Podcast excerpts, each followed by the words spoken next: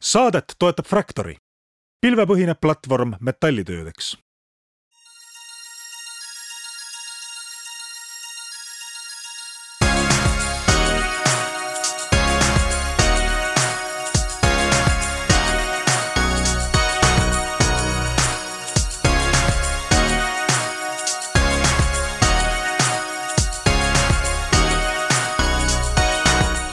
tulemast kõigile Restardi kuulajatele, on taas kolmapäev ja Taavi Kotka, Hendrik Roonemaa juhivad saadet. meil on siin äh, läbi aastate käinud igasuguseid idufirmasid külas, aga täna on esimene selline kord, äh, kus äh, idufirma asutajate seast leiab ka endiste Restardi saatejuhtide nimed. Ja need on loomulikult Andrei Korobeinik ja Henrik Aavik, aga meie tänane külaline on selle firma kõige tähtsam asutaja ja tema nimi on Kirsi Altjõe ning äh, see ettevõte tegeleb äh, teise ringi äh, lastekaupade müügiga ja mitte lihtsalt lastekaupade, vaid luksus lasteriiete müügiga.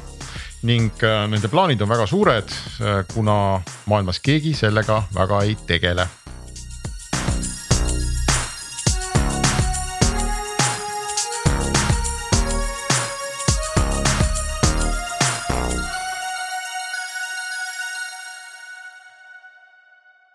tere sulle ka, Taavi. tšau. sa oled eeskujulik Eesti kodanik, sul on palju lapsi ähm,. neli. neli just. ja, ja hästi tähtis, äh, sama naisega. okei vot see ei ole meie tänase saate teema, kuigi võib-olla, kui me saame mõne muu külalise, mõne muu ideega, siis me räägime ka sellest, aga. täna me räägime lasteriiete teisest ringist ja, ja luksuslasteriiete teisest ringist ehk Äh, äh, see firma äh, Smalls Fashion on mõeldud selleks, et panna loodust hoides ja raha säästes teisele ringile müüki oma laste väikseks jäänud vanaks kantud riided. ja ma arvan, et sul on kapid täis neid Gucci, Mucci mm,, Adidas, mis need on, ma ei teagi, mis need kõvad brändid on ma ütlen kohe ausalt ära, et Gucci mutsid kindlasti, Gucci mutsid kindlasti ei ole, aga, aga palju on selliseid ilusaid asju kindlasti, mida noh, mida, mida tahaks panna teisele ringile, et äh, kindlasti ma olen kõrv kikkis, kuulan täna, mis võimalused on kohe. ja, ja me saamegi öelda tegelikult ka siis tere meie tänasele külalisele, Smalls Fashioni kaasasutaja Kirsi Altjee see, mis ma enne rääkisin Restardi saate kohta, et selles firmas on äh, siis äh, hea mitu inimest, kellest Kirsi saab rääkida, aga kaks nendest on kunagi juhtinud Restardi saadet. Need on Andrei Korobeinik, kes Pärnus on väga segane alati, kas parasjagu inimene on võimul või ei ole võimul, ma ei tea, aga, aga on võimalik, et ta on ka Pärnu äh, linnavalitseja. ja, ja Henrik Aavik, nemad siis koos juhtisid seda Restardi saadet enne, kui mina ja Taavi hakkasime tegema. ma ei mäleta, kas sa tegid teise Henrikuga Taavi koos ka enne või? ja ei, mina ikkagi suutsin, äh, mina vahetasingi välja Andrei uh -huh. ehk siis äh, päris mitu aastat me tegime Henrik Aavikuga koos jah, ja siis lõpuks sina vahetasid välja teise Henriku. ja nüüd on siis Restardi läbi aegade neljast saatejuhist kolm on noh teinud oma idufirmad, minul on veel ikkagi see nagu päris tehnoloogiline idufirma tegemata, et äh, ma. mis jutt või asi, Geenius on puhas idufirma. no ja tehnoloogia komponent oli nagu oli ja rahvusvaheline ka ei olnud, et ma ikkagi tunnen, et mul on veel midagi öelda võib-olla. aga lähme Kirsi selle Smalls Fashion juurde, kui ma nüüd ütlen, et see on äh, turuplats selleks, et panna müüki oma kallid heade firmade toodetud äh, aga väikseks jäänud mis iganes moest läinud lasteriided, kas mul on enam-vähem õigus või kuidas sa ise kirjeldad seda, mis on smalls fashion? jah, sul on, sul on õigus ja, ja natukene ma laiendaks seda sellepärast, et kuidas see smalls fashion üldse alguse sai, oli nii, et me alustasime ikkagi sellega, et müüsime kõigepealt äh, seda esimese ringi luksuskaupa. et äh, kui ma tulin siia Lissaboni, mul on selline taust, et ma olengi lastemoe ja, ja fashion taustaga. ja siis ma avasin poe kus olid sellised brändid nagu Balenciaga, Balmain, Givenchy, kõik sellised top brändid, mis oli noh, tegelikult väga suur töö üldse, et need brändid siia tuua, neid ei olnud Portugalis. et eh, tõestada nendele brändidele siis Milanos, Pariisis ära, et, et Portugal on väga äge koht, kus selline pood teha. ja, ja kui me alustasime, see oli kaks tuhat üheksateist detsember, mis oli nagu hästi-hästi ilus aeg, millal avada pood ja kakskümmend kakskümmend eh, kohe veebruaris hakkas, hakkas kõik selline möll peale. Aga see õpetas väga palju, et kui me tegime poe lahti, siis meil, meil, meil kohe hakkasid tulema kliendid, aga pandeemia ajal me saime sellelt kliendilt sellise tagasiside, et okei okay,, ma ostsin selle Givenchy kleidi, aga mul ei olnud väga aega seda kasutada, ei olnudki väga võimalust kuskile sellega minna. Ja põhimõtteliselt pandeemia ajal siis hakkasidki meie kliendid ise pakkuma meile, et kuule, aga mul on selliseid asju kapis, et äh, mis ma teen mõtlesime, et äh, too siia, nad on ju kõik väga head kvaliteediga, väga ilusad. et äh, vaatame, mis saab. ja me avastasime, et sellel teisel ringil on tohutu potentsiaal, sellepärast et kui ma ütlen niimoodi, et ma selle uue Balenciaga tossu müün ära võib-olla kuu-kahega, siis teise ringi Balenciaga tossu ma müün ära nädalaga, sellepärast et hind on parem äh, see on paljudele selline esimene eh, emotsioon, eks ju, luksuskaubas sa saad selle, selle huvitava asjaga väga hea hinnaga. Ja me avastasime ka seda, et inimestel on kadunud ära selline jakk, et, et see on kasutatud asi, et ma ei tea, kas ma panen oma lapsele. tegelikult ei ole, et, et minul on poes kõrvuti uus ja vana ja seesama klient, kes ostab uut, ostab ka teise ringi asja, mis on nagu üliüliäge, mulle see väga-väga meeldib aga siin ongi nagu huvitav, et äh, noh, ma hakkasin ka praegu mõtlema, et, et issand jumal, et noh mm, natuke kasutatud toss, kui hästi välja näeb, äh, lapsel ju kasvab äh, jalg igas tunnis vaks või kaks on ju, et.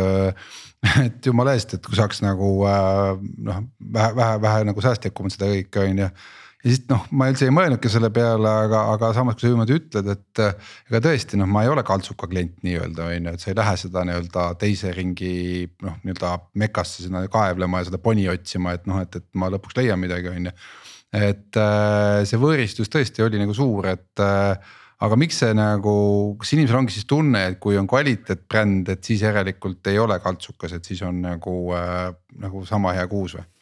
No meie eripära ongi see, et, et sa saad kõrvuti sellesama kogemuse, et sa tuled sellisesse luksuspoodi, sul on täpselt sama selline emotsioon on käi-, sinuga tegeletakse, kõik lõhnab hästi, kõik näeb välja väga ilus. sulle pakutakse ka võib-olla klaas šampust, eks ju, ja siis sa vaatadki ringi ja ostad selle, mida sa tegelikult tahad. ja, ja väga paljud avastavad selle teise ringi meie käest. aga ma võin ka öelda sellist asja, et, et see teise ringi kaup ei ole ka selles mõttes ta on, ta minu jaoks on ta väga oluline asi, et kõik, kui me räägime luksuskaubast, siis sellel ongi kvaliteet ja sellel on eluiga palju suurem, palju pikem. et kui me räägime kiirmoest, siis see juba by default, eks ju, me ütleme selle sõna kiir, eks ju, siis ta kiiresti kasutad, kiiresti äh, annad ta ära ja ta kvaliteet on nii, nii lühikene, et et sul tõesti ei olegi seda teist ringi, aga luksuskaubal me räägime teisest ja kolmandast, minu pärast kasvõi neljandast ringist. et kui täna jõuab äh, moetööstusest ainult üks protsent asju teisele ringile, siis äh, ja sellel ei olegi potentsiaali, sellepärast et see äh, nii-öelda selline masstoodang, tal ei olegi potentsiaali jõuda, kuna ta ei olegi selleks tehtud, ta on ju tehtud selleks, et sa kiiresti vahetaksid ta välja uue vastu siis luksuskaubal on see potentsiaal, kuna tal on kvaliteetne yeah. kangas, tal on kvaliteetne disain ja disain on eh, ajatu. me saame sellest aru, aga mõtlengi, et noh eh, pood ei ole ju startup on ju, et eh, startup ja see saade on ikkagi mõeldud selleks, et sa hakkad seda nüüd kuidagi skaleerima. tehnoloogia abil seda nagu käivet hüppeliselt kasvatama, uusi kliente leidma ja nii edasi, et et see suurem plaan on ikkagi siis see, et inimesed lihtsalt nagu, et kui sa nägid seal poes, et see töötab vot siis nüüd inimesed hakkavad ise panema e-poe keskkonda neid äh, asju ülesse ja siis sina lihtsalt vahendad klienti ja pakkumist. no pood ei ole startup, aga, aga see pandeemia õpetas, et äh, kui vanasti enne pandeemiat võib-olla seitse kuni kümme protsenti luksuskaupa müüdi online'is siis äh, pandeemia ajal näiteks maailma suurim luksuskaupade müüja Farfetch tõstis oma käivet kuuskümmend kuus protsenti. see tähendab seda, et online on on väga atraktiivne ka luksuskauba jaoks, mis ei olnud varem, see tõesti on fakt, et Gucci't keegi ei ostnud online'is, kuna sa tahtsid seda kogemust.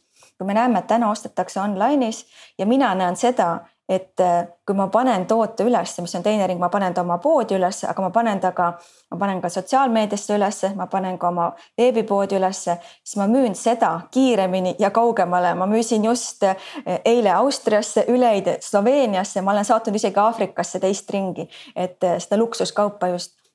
ma näen, sellel on väga suur huvi, kuna ta on hea asi, kvaliteetne asi, vahest on ta isegi sellisest kollektsioonist, mida enam ei ole, ongi vau wow,, et äh, ma olengi otsinud midagi sellist.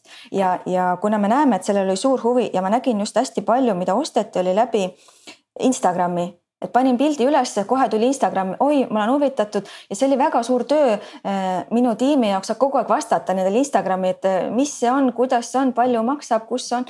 et äh, me nägime, et inimesed telefonis liigutavad väga palju emotsiooni pealt, ostavad ja leiavad asju, nii et siis meil tekkiski selline mõte, et kuidas vähendada seda ringi, et praegult äh, ma olen teinud selline, mul on olnud selline tailor-made service, et kõik tuleb minu kätte. ma pildistan nad ülesse, ma panen nad üles online'i, ma tegelen kogu selle sotsiaalmeedia poolega, aga kui saaks selle kiiremini, nii et kliendilt kliendile ja kaasata ka teisi ettevõtjaid sellesse teise ringi programmi, sest me ei räägi täna ainult sellest, et äh, mis on huvitav on see, et seda rikast inimest, no tõesti, kes ostab seda Gucci't, Mucci't ja Balenciagat oma lapsele, mis on, mis on tohutult kallis, minu, minu rekordmüük, ühekordne müük ühele inimesele oli üle kümne tuhande euro. ma lihtsalt ei usu, et ükski laps seda ära kannab äh, sellise, sellise kiire aja jooksul. siis ma ütlen, et seda inimest alati ei motiveeri see raha. Äh, me nägime, et teda motiveerivad hoopis teised asjad, et, et teda motiveeris näiteks, kui ma ütlesin, et sa saad selle müüdud toodete eest krediiti, see motiveerib teda. ja siis ma ütlesin, et äh, kui teda ka krediit ei motiveerinud, et äh, me paneme selle sinu valitud annetusse et seda rikast inimest motiveerivad natuke teised asjad kui see, et võib-olla, mis on äh, Vintidi kasutaja motivatsioon, et tema tahab võib-olla seda kümme eurot kiiresti kätte saada. Aga seda rikast inimest ei motiveeri see kuuskümmend eurot, mida ta saab second-hand'i pealt. Teda motiveerib võib-olla see, et kui ma müün ära kolm vana asja, ma saan ühe uue asja või see, et ma kogun endale mingi summa ja see läheb näiteks Aafrikasse, et me riietame seal lapsed või anname kooliharidust lastele. aga kui palju, Kirsi, see, kui palju see selline üleüldine roheteadlikkus on, on muutnud seda valdkonda, et ma, ma usun, et ma vaatan oma tutvusringkonnas ringi ka, et on palju inimesi, kes noh, Taavi ütles selle sõna kaltsukas, eks, ja noh, kogu aeg ongi nende kohta öeldud kaltsukas, ma ise kasutan ka seda sõna. ja see ongi nagu käib nagu väljend, aga, aga ta ei ole nagu enam kaltsukas noh, kus käivad inimesed, kes ei jaksa umbes, ma ei tea, uusi teksaseid osta kuuekümne euro eest, eks. vaid, vaid see on äh, miski, mida inimesed ütlevad, et äh, aga milleks ma koorman loodust. näe, see on jumala korralik särk, eks ole, või see on jumala korralik kampsun. et miks peab ühe juurde tootma, et see, et see selline nagu rohe aspekt on väga suur nagu argument, miks, äh, miks minna teisele ringile, kui palju sina seda näed seal luksuskaupade maailmas? No minu isiklik äh, motivatsioon on väga palju see roheaspekt, sellepärast et ma näen, kui suur ületootmine toimub äh, moetööstuses ja see on minu isiklik suur drive on see, et, et äh, miks me peame nii palju tootma, kui me saame kasutada mega ilusaid, mega kvaliteetseid asju mitu korda ja mitu põlvkonda. et see on minu isiklik motivatsioon. inimestel, kes on minu kliendid, on väga erinevad motivatsioonid mõnel ongi see, et see on ilus asi, mille ma saan väga hea hinnaga. mõnel on see, et see on unikaalne kollektsioon, mida kellelgi teisel ei ole. mõnel on, mõnel ongi see tõesti see, see roheaspekt, mõnel on see, et kuule, aga ma niikuinii ma panen selle ainult liivakasti, eks ju, et ma võin võtta ka selle nii-öelda teise ringi Genso panna sinna liivakasti väga erinevad on motivatsioonid, ma ütlen ka mõnel on ka see annetuse motivatsioon, et ma tean, et mul on see kapitäis riideid, ma ei tee nendega mitte midagi, selle raha ma saaksin annetada ja, ja nii-öelda see natuke motivatsioon midagi head teha tagasi. no sorry, ma pean nüüd vist ikkagi purustama mingi asja, et äh, rikkad ja roheline nagu väga hästi ilmestab seda kliimaga konverentside kokkutulek, kuhu tullakse kõik igaüks oma enda eralennukiga, eks, et. Äh, ja noh, ütleme niimoodi, et äh, sa võid ju seal äh, prügi sorteerida ja, ja sedamoodi nagu äh, noh uuesti tööle panna, aga kui sa lähed ja teed jälle ühe puhkusereisi New Yorgis on ju, et noh, et siis see kõik on vastu taevast jälle, et. Eh, noh, nii-öelda kui me räägime päris eh, rohelisest on ju, et, et see selleks, aga ma ikkagi, me oleme ikkagi natuke tehnoloogia saade ka, ma tean, me siin Kirsi ei kiusa tehnoloogia küsimustega, aga me peame su ärist aru saama. ehk siis nüüd sul oli pood, selle pealt õppisid ja nüüd ma saan aru, on, teeb platvormi, kus põhimõtteliselt sa viid nagu pakkujad ja, ja ostjad kokku kui kõik ausalt äh, ära rääkida, siis see sai alguse niimoodi, et mul käis siin äh, üks influencer poes ja ütles, et vau, et mida sa teed, et see on nii väga-väga äge. ja ütles, et aga mina olen hoopis äh, telesaates noh, selline Lissaboni Anu Välba kutsus mind hommikutelevisiooni, et ma rääkisin siis oma sellest põhimõttest, mida ma teen, miks see on, miks see on oluline, see teine ring luksuskaupadele ja, ja rääkisin sellest, et äh, tooge asju, mina müün ära, teie saate kas siis raha, krediiti või, või mis iganes te tahate. ja, ja sellest saatest ähm, kujunes välja see, et noh, ikka edeva inimesena natukene siin ja seal ka postitasin, panin LinkedIn'i üles, et käisin Portugali televisioonis, mis oli noh, päris väljakutse iseendale ka portugali keeles midagi rääkida. Äh, ja sellest LinkedIn'i postitusest hakkas nagu asi pallina veerema, et minuga hakkasid ühendust võtma USA startup'i kiirendid. et mis sa teed, mis tähendab sustainability ja luksus ja, ja kõik selline asi ja ma ütlesin, et no mina teen oma asja, mina lihtsalt päästan siin maailma ja, ja üritan äh, business teha rohelisemaks, on ju, omal viisil, reaalselt omal viisil. aga mm, USA-s üks väga suur kiirendi ütles mulle, et kuule, aga meid huvitab see teema meid huvitab see, et äh, pane selle tehnoloogia pool sinna, et sa ise räägid, et saaks kiiremini teha ja, ja sealt hakkaski arenema, et äh, ma hakkasin otsima sellist viisi, kuidas seda siis äh, suurendada seda, seda müüki, kiirendada müüki, panna rohkem inimesi sellesse, sellesse süsteemi ja sellest siis hakkaski kooruma selline mõte, et peaks tegema äpi ja peaks hakkama kaasama ka teisi ettevõtteid sinna. kuna me räägime täna ka sellest, et see ei ole ainult see, et, et inimeselt inimesele müük, vaid mina pakun ka ja minul on, ütleme nii et, et üheksakümmend üheksa protsenti klientidest tahab tegelikult saada krediiti uue jaoks, siis siin on potentsiaal kaasata teisi lastekaupade müüjaid luksuspoode, mis on põhiliselt Itaalias. terve Itaalia on täis luksuspoode, neil ei ole isegi online poode sealjuures ja nendel ei ole seda oskust tegeleda sellise tehnoloogilise poolega, et ähm, kogu see krediidi majandamine ja, ja need asjad, et ja siis hakkaski kooruma sellest välja nii-öelda äpi idee teiste ettevõtete juurdemineku idee ja, ja see on väga kiiresti arenenud, ma olen nüüd käinud eh, Itaalias eh, kiirendis rääkimas, kellele ütlevad, et nad ei ole mitte kedagi näinud, kes seda teeks selles valdkonnas, et on ju tegijaid küll, on, on Vinted, on Vestiaire selles vallas, kes teevad seda second-hand, aga mitte keegi ei keskendu lastekaupade ja luksuse, luksusosale. ja sellest on siis hakanud kasvama välja selline asi, et et nüüd ma lähen järgmisest nädalast ühte Skandinaavia eh, kiirendisse oma selle teemaga siis, et. Eh, ja sealt ongi tulnud Andrei ja, Hendrik Aavik on need, kes siis eh, tegelevad selle tehnoloogilise poolega ja aitavad mul seda startup'i maailma aru saada, sellepärast et mina olen lihtsalt selline suure südamega kapitalist, kes on, teeb lihtsalt oma äri aga mõtlengi, et noh, startup'i tegemine ei ole ju lihtne, et nüüd on, muidu oli ju tore sellist oma poekest pidada seal ja, ja noh. oli aega tegeleda muude asjadega ka võib-olla on ju, nüüd kui startup'i tegema hakata, siis noh. ütlen siin oma kodu kogemusest, kui on ikka vaja kella kümne tagasi tööle ronida, siis tuleb ronida, on ju, et noh, et, et õhtul ma mõtlen, mitte hommikul on ju, et. et äh, kuidas sa jõuad üldse või kas sa oled üldse valmis, et sa? ei, see on väga välja? tore see on tõesti, võtab väga palju aega, kuna sa pead suhtlema erinevate ajavöönditega, erinevates äh, keeltes, erinevates kultuuriruumides. Äh, see protsess on olnud väga-väga-väga tore. aga mis sind motiveerib, et see ongi see, et seda kõike teha nagu suuremal skaalal on see raha, no raha ei ole ju halb motivaator, ega me ei pea seda häbenema, on ju, et noh, et, et äh, noh, võimalik, kui startup on edukas, on ju, et siis noh, ikkagi ju tuleb. ma arvan, see... et inimest, keda motiveerib raha, võiks töötada siin Portugalis kinnisvaraäris palju kiiremini saada palju rikkamaks.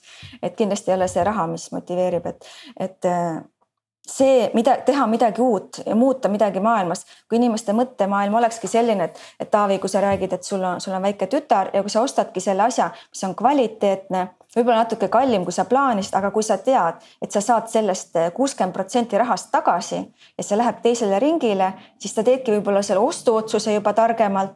sa tead ka seda näiteks, et sul on see platvorm, kus sa seda müüa saad ja et need asjad kõik nagu liiguksidki õiges suunas, et täna, kui me räägime, et, et äh, siin Kristjan Lepik ja äh, teeb oma tiimiga, eks ju, metsast midagi totaalselt uut, on ju, siis ma ei tee nii suurt asja, äh, ma ei tee midagi nii suurt ja uut asja, aga ma teen asja, mis on nii reaalselt katsutav ja nii reaalselt ära tehtav.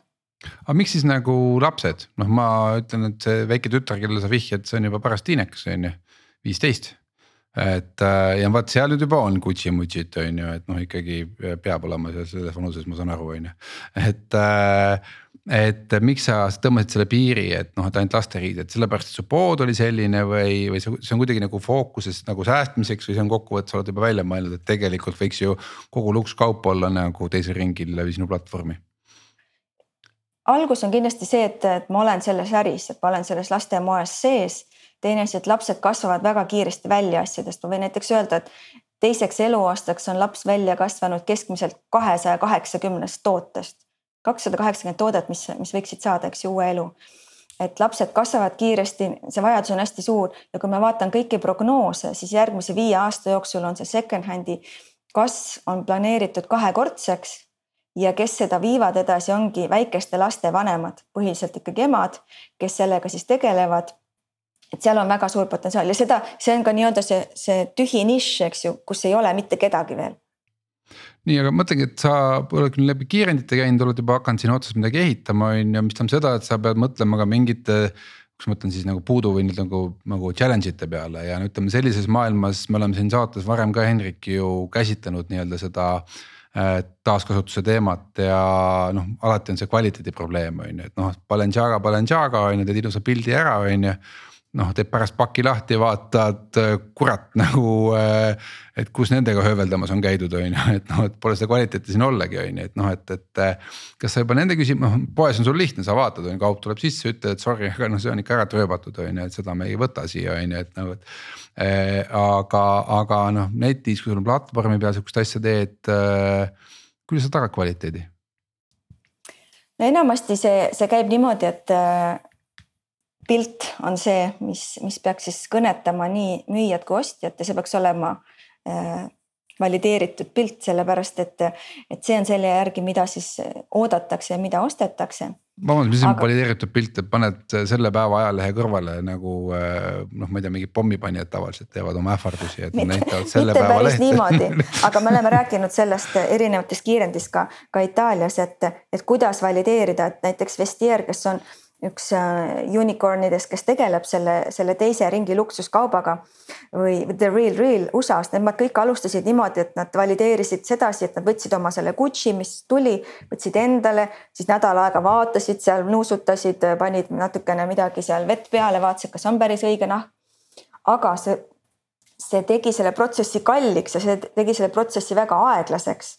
et kõik on läinud seda teed, et see nii-öelda see vastutus jääb siis sellele müüjale. et äh, müüja peab olema siis selline, kes, kes, kes annab selle, et see, mida ma müün, see on see, kõik on läinud seda teed, sellepärast et keegi ei jaksa oodata kolm nädalat, millal tuleb äh, sinule nüüd see toode, mille sa oled online'ist ostnud. ja ma ütlen ausalt, et me ei räägi, me ei räägi täna sellistest summadest nagu on Vestieeril, kus kott maksabki, Louis Vuittoni kott maksab üheksa tuhat eurot. me räägime keskmiselt tooted, mille hind on kuuskümmend kaks eurot kui ta näeb välja nagu Gucci, lõhnab nagu Gucci, maitseb nagu Gucci ja ma saan sellest teha kolm pilti oma Instagrami jaoks, siis tegelikult sellest kliendile piisab. et äh, kui nüüd on selline situatsioon tõesti, et see müüja müüb seda toodet, mis on väga-väga kehv, siis jääb selline, äh, selline äh, nii-öelda vahe sinna, et see raha, mis liigub, sellel on natukene aega, et seal on kolm päeva, on aega sellel, kes sai selle toote kätte, öelda, et et kuule, et see ei olegi Gucci või sealt mul tuli hoopis, ma ei tea, õllepudel, eks ju, et mul ei tulnudki seda õiget asja kätte. et seal on natuke see, et me saame seda, seda raha liikumist kinni hoida, et see, kes müüb seda halba toodet see ei saa seda raha kätte. me oleme siin natuke ühte huvitavat teemat ju puudutanud, et sa ise ütlesid ka, et ei olegi Gucci. Äh, ma arvan, et seal võib, kui sa selle asja hoiad nagu väikseks, et need inimesed, kes käivad sinu poes Nad teavad, mida nad ostavad, sina tead neid, eks ole, see on mõnes mõttes nagu klubi. ja et mitte ainult müüja, vaid et ka ostja on noh, kuidagi verifitseeritud, eks, et ta teab, mis, mis see on ja mida ta ostab. Ehm, kui nüüd see asi ajada suureks on ju, siis ma arvan, et seal võib tekkida ridamisi olukordi, kus keegi müüb mingit suvalist särki, millele on ilus silt peale pandud, eks. Ta müüb mingit võltskaupa ja ostja ei pruugi ka aru saada kohe on ju, et see on võlts, vaid et võib-olla piinlik moment, kui riietab oma lapsed Gucci'sse ja läheb äh, basseinipeole ja siis teised emad ütlevad, et fui, mis asi see on. et, et see pettumus võib tulla nagu ootamatult ja hiljem, eks kuidas sa seda võltsingute probleemi seal oled mõelnud? noh, olles inimene, kes, kes käib kaks korda aastas brändidega kohtumas nende samade Balenciagade, Moschinode ja, ja kõikide brändidega, siis igaüks mõtleb selle peale, et teine ring on aina tähtsam. ja näiteks tooted, mis tulevad äh, Louis Vuittoni peadisainer, kes on küll äh, taevastel teedel nüüd äh, Virgil Abloh, lõi ka ju lastebrändi Off-White Kids ja nendel on juba kõigil hologrammid, Dolce Gabbanal on hologrammid, nii et sul, mm, sul on võimalik nagu raha peidetud märgid jah, et seal on nagu peidetud märgid on tõesti toodetel olemas ja kui sa panedki sellesse äh, kohe eesmärgina see, et sa pead näitama ära, milline äh,.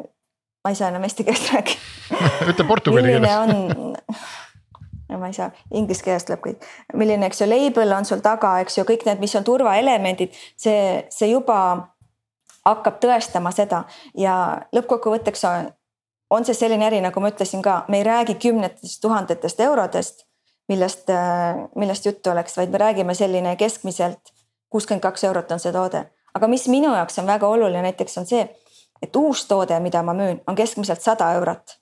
Ja teise ringi toode on kuuskümmend kaks, me räägime asjast, et seda hindab nii ostja kui müüja mis on nagu väga tore, et see teine ring ei ole nii-öelda see Taavi kaltsukas enam, et see teine ring on nagu jumala äge asi aga vot seesama, et noh, ta ei muutuks selleks kaltsukaks nii-öelda on ju, et sul see lubadus, et sa leiad sealt ikkagi, sa pead minema poni otsima, vaid no kõik asjad on ikkagi ägedad, on ju. tähendab seda, et sul peab olema mingi väga kindel nimekiri, et noh, a la ongi, et noh, et sul on seal. Balenciaga ja Gucci ja Mucci on ju, aga vaat näed, see Rootsi või ma ei tea, Eesti marat näiteks nagu ei tohi tulla, et noh, see ei sobi et, et kuidas te seda nagu piiri tõmbate, kas te üldse tõmbate selle piiri, sest kui sa piiri ei tõmba, siis jälle võiks ju kõike müüa, noh et need nagu äh, mitte ka Reebokit, vaid, vaid ka Reebacki on ju, et noh, et, et nagu noh. vahet pole nagu korralik tennis on ju, paneme müüki on ju, et noh, et, et. et aga noh, see ei ole enam Gucci-Mucci on ju, et noh, et, et, et see on seda, et sa põhimõtteliselt defineerid ette brändid, mida üldse saab müüki panna. jah et äh, need brändid on ette defineeritud, et äh, täpselt, et ei tuleks seda sellist brändi võib-olla, mis hakkaks segama seda poni otsimist sellest, äh, sellest hunnikust. aga me räägime sellisest ärist, mis on nii suur, et Eestis võib-olla, kus ei olegi mm, selliseid, selliseid brände üldse müügil, siis kogu maailmas on see nii suur äri, et mitte ükski asi ei ole peatanud, mina olen, saatsin kaks päeva enne seda, kui kui Ukrainas hakkas sõda Ukrainasse asju, eh, samal ajal kui Palestiina ja Iisrael üksteist pommitavad, mina saadan ikka Balmani eh, jakke sinna, raha ei maga mitte kunagi ja lapsed kasvavad ja rikastel on see huvi nende asjade vastu. et eh, see, see äri, mis näiteks mina väga selgelt tunnetasin, kui, kui Venemaa ja Ukraina nüüd ära kukkusid Euroopast hakkas kliente ära kaduma, siis ma saadan ikka Lähis-Idasse ja USA-sse väga-väga palju kaupa, nii et, et see, see ringluses on nii palju tooteid. miks nad ei jõua teise ringi, kui me räägime, et täna jõuab vähem kui üks protsent üldse asjadest teise ringi, et noh, see on minu küsimus, ma tahaks lahendada selle ära, et need asjad, mida müüakse sadades miljonites, näiteks eh, Londoni suurim lasteriiete pood Children's Salon, tema aastakäive on üle saja miljoni ja kasum on neliteist miljonit, kuhugi need asjad ju liiguvad, midagi peaks saama selle teise ringiga, et, et ei ole niimoodi, et saavad otsa, et nüüd me peame hakkama müüma siis seda äh, nii-öelda kiirmoodi sealsamal platvormil, need asjad ei saa otsa, neid asju on nii palju. Ja ma hakkasin praegu mõtlema sind kuulates, et, et ei tea, kas siin võiks olla mingit sellist blockchain'i ruumi umbes, et iga kampsun, mis tuleb, on ju, et see noh liinilt või saab selle märgi külge et kusagil internetis on registreeritud, eks, et koodiga see ja too on just seesama kampsun. ja sa saad kuhugi minna vaatama ka teisel ringil, eks ole, on seal QR või mis see on, et see pilt tuleb lahti, on, et noh. kas on sama toode, sama värvi, sama suurus, et see iseenesest peaks olema kuidagi tehtav, aga, aga sul on seda võib-olla keeruline isegi teha brändid ikkagi väga business. palju mõtlevad selle peale mm, -hmm. et äh, kõik need hologrammid ja, ja äh, QR koodid, mis on pandud toodetele külge, ongi selle eesmärgiga, et tõestada seda, et see on see originaaltoode, see on tehtud heal eesmärgil, hea kavatsusega. et kui me räägime sellest luksustootest, et, et võib-olla ta on selline asi, mille peale mõned inimesed kirtsutavad nina, et ikkagi kallis ja mis see on siis T-särk, millel on lihtsalt Gucci kiri peal, et miks ta peab nii kallis olema. aga ta ongi sellepärast kallis, et ta tehakse seal ei ole lapstööjõudu, seal on väga kvaliteetne seesama Portugali õmbleja, kes selle õmbleb kokku kangast, mis on valmistatud väga kvaliteetsel viisil, et, et, et see, et see kallis asi tegelikult ikkagi kannab ka seda väärtust. et ta ei ole ainult see, et ta on, ta on kallis asi ja nii-öelda see Gucci-Mucci, mis on natukene võib-olla nagu pahatahtlik öelda, aga ma võin öelda, et kõige suurem müügibränd praegult on Balenciaga, mis on ikkagi noh minu jaoks nagu järgmine samm Balenciaga on ikkagi selline urban fashion, ta ei ole, ta ei ole enam ainult glitter ja Gucci-Mucci on ju. kohutavad need äh, kroksid mul on lapsed on näidanud mingeid pilte nendest äh, mingitest suvejalanutest, mida sa nüüd jala otsa viskad nagu on ju, et äh,. ühesõnaga äh, ma ei ole nii, ma olen konservatiivne ikkagi selles kohas, et ma ei saa aru päris, et aga see selleks no, mina ei ole moehindaja.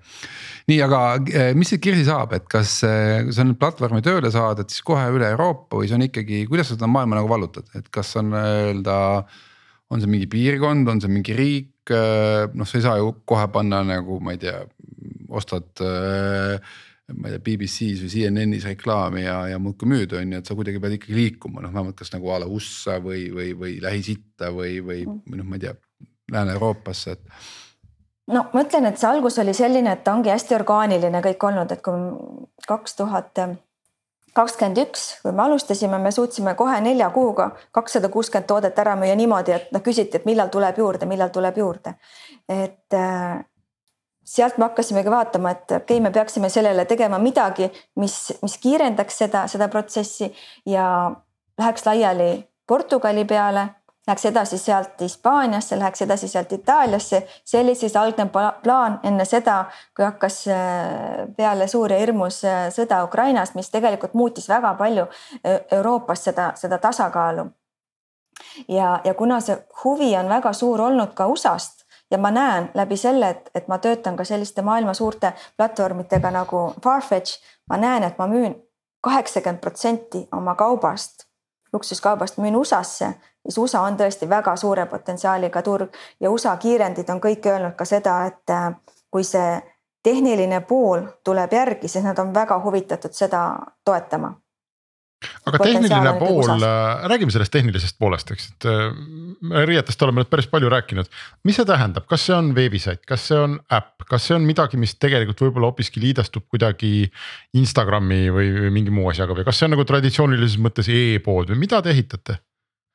No me praegult teeme sellist äppi, millel on sellised unikaalsed omadused tõesti, et, et seal saab tekitada krediidi haldamise süsteemi seal on võimalik raha välja võtta, seal on võimalik raha annetada. et nii-öelda see, see veebipood ei ole ainult veebipood, kus sa, kus sa ostad, müüd, vaid seal on natukene ka lisaväärtusi. lisaks ma näen, et väga suur potentsiaal on kaasata sinna teisi poode, kes siis ütlevadki niimoodi et okei okay,, sa teed täna selle otsuse, et sa ostad selle kalli äh, pintsaku või kalli beebikombe lapsele. aga sa tead, et sa saad siit selle ära müüa selles, selles äpis Äh, väga lihtsal viisil ja sa saad tulla krediidiga kas meie poodi või, või annetada selle asja. nii et me tahame kaasata sinna teisi ettevõtteid, see on meie erilisus ja me tahame tekitada sellise krediidi haldamise süsteemi sinna, mida keegi teine ei tee. mitte keegi ei paku täna vana asja müümisest uuele krediiti, mis on tegelikult nagu, mida sa lähed, eks ju, müüd oma iPhone'i ära, sa saad äh, osta endale siis uue selle krediidiga või sa lähed, viid oma auto ära ja saad osta uue autot, seda ju tehakse juba, aga seda ei tehta moes, moeäris. minu meelest moeäri üldse on selline asi, et siin on nii paljud asjad valesti. et nii-öelda klaas on kogu aeg pooltäis, kui mitte lausa täis, sest seal on nii palju asju, mida ära teha. no igal tasandil, see on lihtsalt üks samm. vabandage mu ignorantsust, aga sa alustasid poodidega ja nüüd sa teed platvormi, ma ei pannud tähele, kas platvorm on valmis või olete laivis või? praegusel hetkel on mul veebis käib müük, samas veebipoest, kus ma müün uusi asju, müün ma ka kasutatud asju ja see äpp on kohe-kohe välja tulemas. ühesõnaga praegu on ikkagi, sa müüd põhimõtteliselt sulle Portugalis to poodi toodud asju. Jah aga su plaan on nüüd kohe-kohe välja tuleb, et siis hakkavad inimesed panema üle maailma neid sinna sisse ja siis hakkab. no alustame Portugali, Portugal, Hispaania sellise piirkonnaga ja siis järgmine etapp oleks lihtsalt vaadates seda, kui suured müüginumbrid on USA-s ja USA-s keegi seda ei tee sellise spetsiifikaga, siis järgmine samm võiks olla USA. aga siin ärilises mõttes on ju Taavi, kui ma, mina ei ole tõesti sellist tüüpi idufirmat ehitanud, aga ma kujutan ette, et siin mis eristab e-poodi ja idufirmat on, eks ole, see, et kas sul on noh, oma selline community, kes sinu eest midagi ära teeb. noh, et seesama, et, et inimesed ise panevad neid asju müüki, et sellest tekib mingi Jah. noh, ise toimiv Jah. masin, eks ole, et iga e-pood ei ole ju startup kaugeltki jah, õige mm. -hmm. et ja äh, siin on väga, siin on kõik elemendid olemas, siin on selles mõttes olemas äh, vajadus selgelt äh,, pluss nagu tahame või ei taha, üks liikumaid panevaid jõude on ka luksus. et äh, noh, ühesõnaga luksus on alati sihuke kategooria, mis paneb ka investoritel kõrvad liikuma, sellepärast et tavaliselt see võrdub äh, mingi kasutajagrupiga, kes ei loe raha.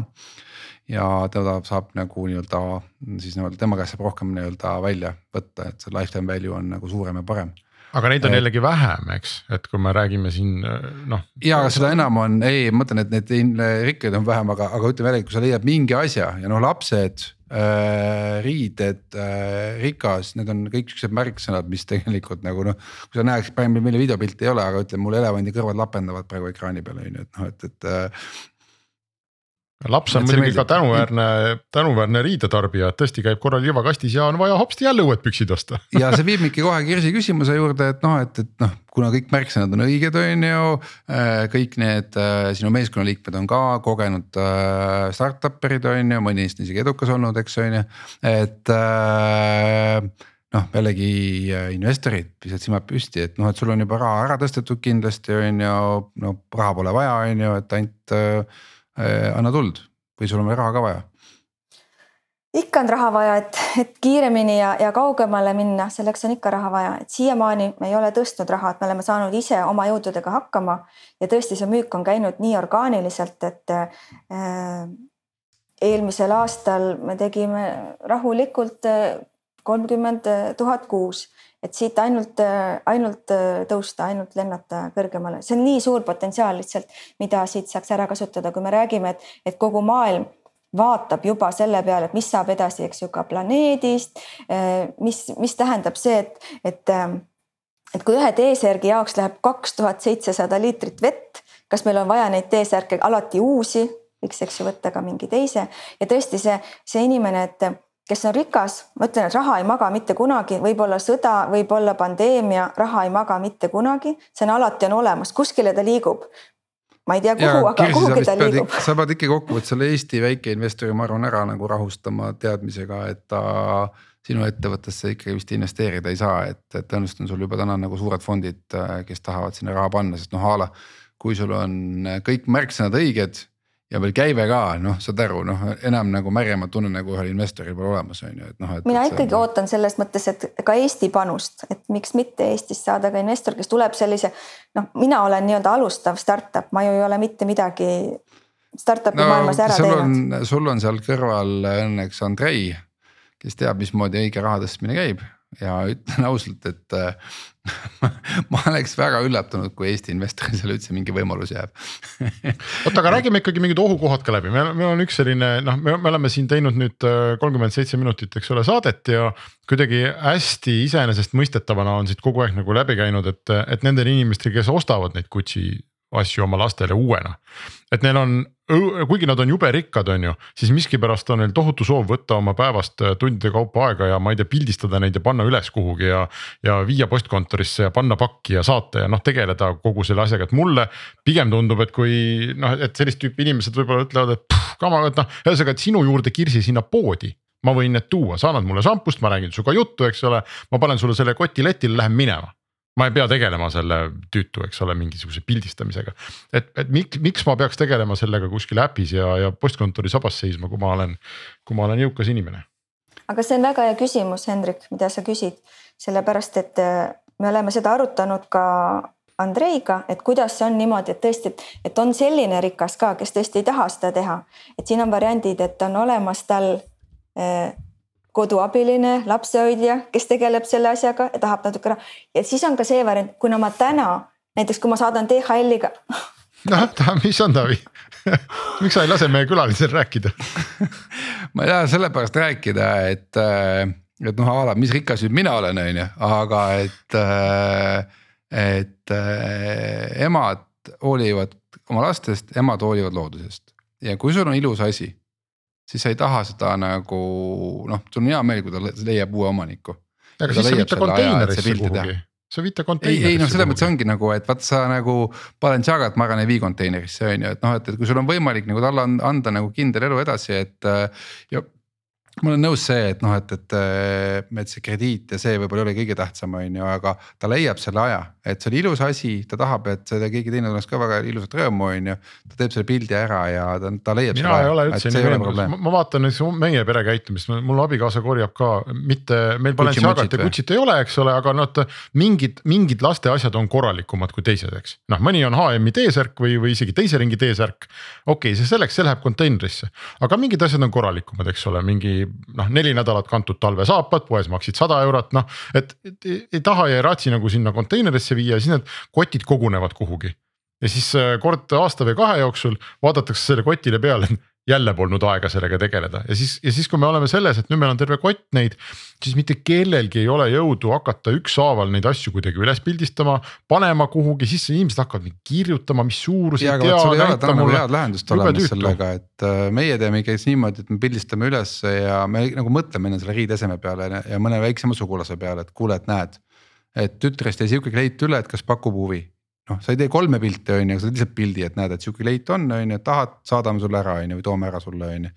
et selles mõttes ma jah, ma tahaks kirsida tagasi selle sulle, aga, aga ma ütlesin, ma tõstsin käe sellepärast, et äh, me alahindame nende pereemade soovi samamoodi nagu teha nagu seda head, et ta panna uuesti ringlusesse. Nad tahavad teha seda. ja teine asi on see, et see, see ost, mis ta on teinud, see on talle väga südamelähedane olnud, see on kallis, ta on teinud selle ostu väga suure mõttega, sest inimene, kes ostab kallist asja, ta ikkagi väga valib, mida ta ostab. et see, see ei lähe enam pärast sellisesse kilekotti ja kuskile nurka. ja selleks ongi teine, teine service, mida me pakume, ongi see tailor-made VIP service, kus sa tuledki, saadadki oma kastitäie asju. meie kuller tuleb, võtab sinu kasti vastu, toob siia, meie tegeleme kõigega. sa ei peagi midagi tegema, selleks on ka loomulikult lahendus olemas sellele, kes siis ei taha neid ise üles pildistada. aga ma raha saan pärast või palju see teie käitlustasu on, kui ma kotitäie riideid sulle kulleriga veel saadan? see on kakskümmend protsenti, võtame okay., võtame müügist okei okay,, no see kõlab see... huvitavamalt, sest ja tõesti, ma ütlen, et kui mul oleks see koht ja mitte ainult lasteriiete jaoks, vaid üldse, kui ma vaatan oma elamises ringi, eks ole, et noh, see, ma ei tea, kuskil on mingi vanem telefon, mida võiks kuskil, no ei viska ära, on ju. aga ei viitsi elu sees tegeleda mingi osta e-ga, sest noh, saad sealt võib-olla kaheksakümmend eurot, mis on ühest küljest suur raha, teisest küljest. Oh, ei noh, aga et kui oleks mingi teenus, et ma viin ära ja siis sa saad kaheksakümmend protsenti, see tundub isegi palju. ma ei oska öelda, kuidas, kuidas see Eestis on, aga näiteks siin Lissabonis on niimoodi, et kui ma näiteks tahan DHL-i või UPS-iga midagi saata või saada, siis ma saan seda teha oma kõrvalt juurviljapoest, loto kioskist. et see ei ole enam niimoodi, et ma pean minema postkontorisse, ma saan täpselt samas kohas teha, kus ma ostan oma banaanid ja, ja, ja mustikad, saan ma kanda ära oma paki mis teeb seda asja lihtsamaks ja see, kuhu me liigume logistika poolelt, noh, see on ka, eks ju, ulme, et äh, see, mis toimub täna, see kindlasti on palju paremal tasemel homme. Eestis saab teha parcel siin nende kastidega. ei, äh, no need kolm inimest, kellel need kastid on, need saavad no, teha no. omavahel saata kuussada kasti juba. no okei okay., loodetavasti. aga Lissabonis on tõesti niimoodi, et igasugune lotoputka, igasugune juurvilja ja müüja samas võtab vastu ka asju, et tegeleb DHL-i UPS-iga, et minu meelest on see fantastiline, et sa ei pea kuskile kaugele minema, kaks sammu, võtad koera kaasa, võtad oma kasti, annad ära, kõik tehtud.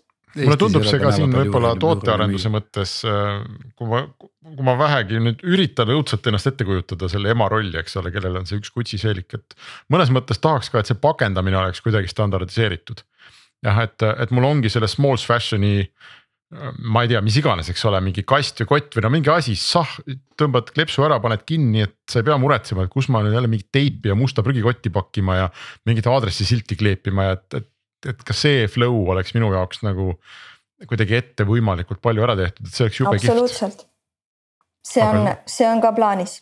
jah, aga, aga jah, ühesõnaga, see on jälle jälle üks nagu väljakutse, eks, et kuidas siis, kuidas ma selle kasti siis saan, et noh kas ma siis tellin enne kasti sult ja ootan nädal aega või on mul näiteks kümme kilekotti kogu aeg igaks juhuks äh, kodus olemas või no see on huvitavad sellised. Äh, ma arvan, tootearenduse ja sellise klienditeekonna nagu küsimused, mida. Need lihvitakse, triigitakse välja lõpuks, et. jah, jah, jah noh, seal on isegi juba, ma arvan, see, et äh, kui sa saad äh, veebist vaadata ja, ja kokkuvõttes see vahetus toimub sealsamas, ma ei tea, füüsilises poes on ka juba nagu noh, nii-öelda kõige esimene samm näiteks on ju. Aga okay. kui iga luksusmoepood näiteks kasvõi see laste osas pakuks seda võimalust ka, et sa saad selle kasti sinna tuua oma asjadega. Nemad nii ehk naa peavad tegelema, eks ju, kauba ülespanekuga ja nii edasi, et siin on nii palju võimalusi, nagu ma ütlen, kogu see moetööstus on, on täis klaas, mida sa saad nagu nii palju asju paremini teha ja meil hakkab äh, saateaeg läbi saama. Äh, lähme siis otsime oma kapid, äh, Taavi läbi, et mis sealt, mis sealt no, on.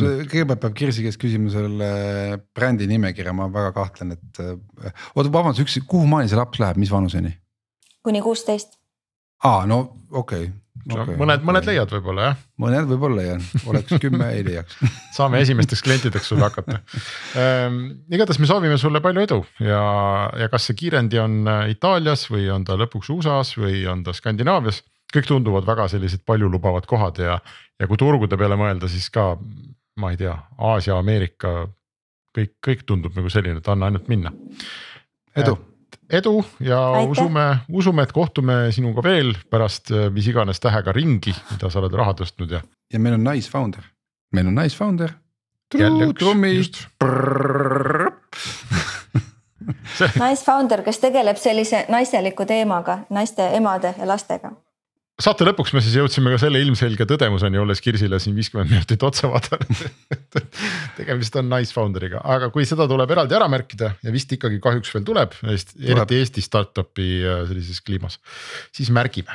aga ja. märgime ka ära, et meie saade on nüüd läbi.